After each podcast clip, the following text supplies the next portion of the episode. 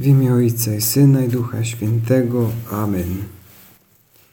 W Ewangelii na dziś święty Łukasz opowiada nam o pewnym wydarzeniu, które raczej nie trudno będzie nam sobie wyobrazić. Mówi tak. W owym czasie przybliżali się do Jezusa wszyscy celnicy i grzesznicy, aby Go słuchać. Co to byli za ludzie? Kim byli ci celnicy i grzesznicy, którzy szukali Pana Jezusa, co tylko przy Nim odzyskiwali pokój w sercu, otrzymywali nadzieję na lepsze życie i czuli się kochani? Możemy to sobie łatwo wyobrazić, szeroko otwierając oczy naszego serca i może przymykając powieki, by właśnie nie rozpraszać się tym, co teraz możemy mieć na widoku. Widzimy Pana Jezusa, który przechodząc ulicą w pobliżu świątyni właśnie zatrzymał się przy jakimś żebraku i patrząc mu w oczy coś do niego mówi.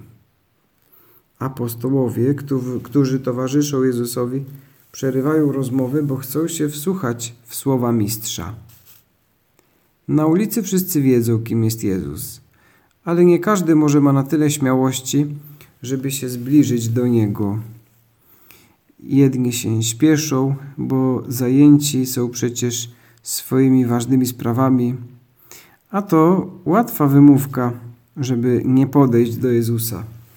Wymówka przed tym, żeby nie wprowadzać we własnym życiu wysokich wymagań miłości, o których ciągle mówi.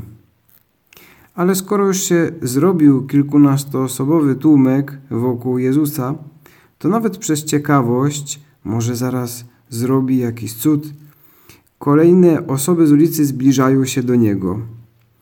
Ktoś, kto stał sobie w drzwiach domu, sprzedawca uliczny, który zostawił swój stragan, praczka, która przechodziła z koszem pełnym ubrań, dwóch żołnierzy, którzy pilnowali porządku na rogu ulic.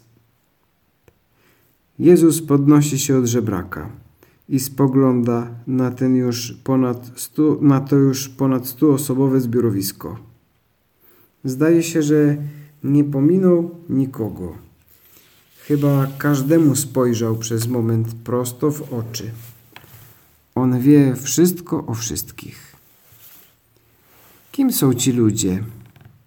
Grzesznikami i celnikami, jakich określa święty Łukasz. Ten zbiera podatki, naliczając je nieuczciwie. Tamten jest żołnierzem i często bez powodu bije złapanych na ulicy. Tamta nosi w swoim sercu złość na swego męża, nie chce mu wybaczyć. Tamten cały dzień spędził leniąc się. Inny bez szacunku odnosi się do swojej mamy. Kim są ci grzesznicy? Są takimi ludźmi jak my, jak ty i ja, którzy borykamy się ze swoimi wadami, których nie chcemy, ale, w które, ale które nam ciążą.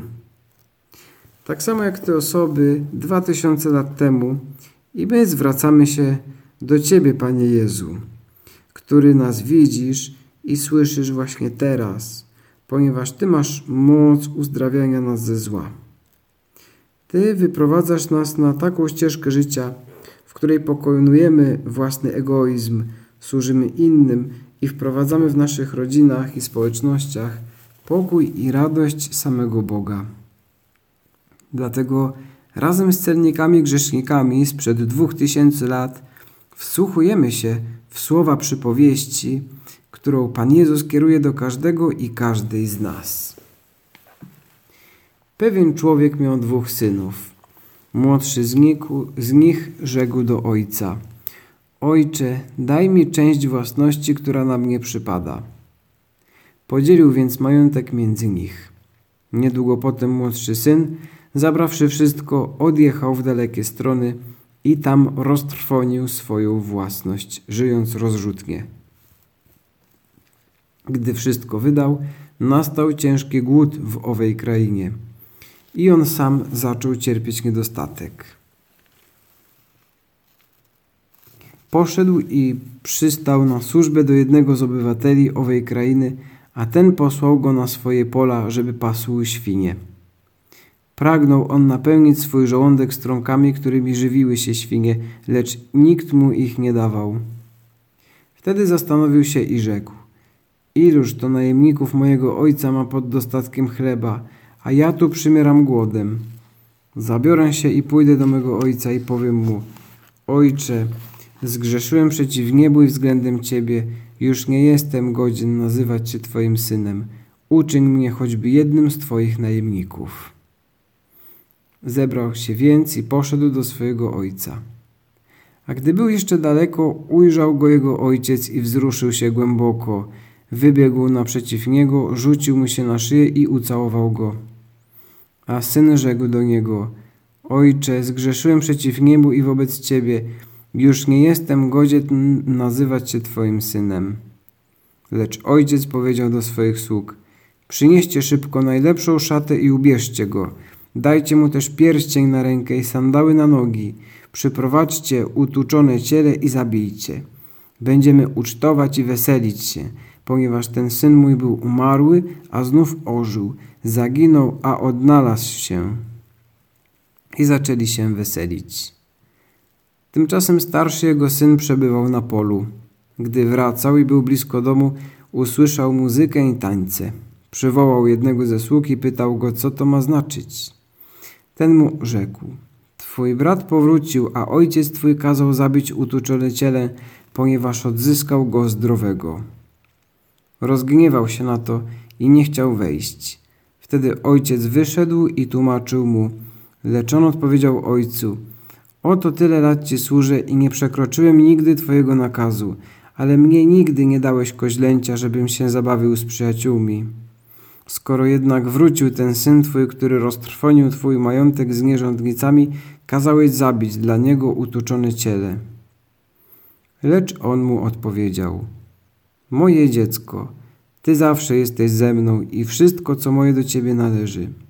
A trzeba było weselić się i cieszyć z tego, że ten brat twój był umarły, a znów ożył, zaginął, a odnalazł się.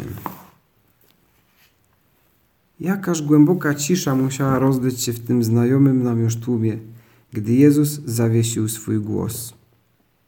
Każdy, każdy bez wyjątku rozpoznaje, że to ja jestem tym synem marnotrawnym, zawsze kiedy grzeszę, zawsze kiedy zapominam o Panu Bogu, kiedy liczę wyłącznie na moje własne siły, na mój własny pomysł na życie, tak jakby odwracając się od kochającego Boga Ojca plecami. Każdemu z nas się to przytrafia.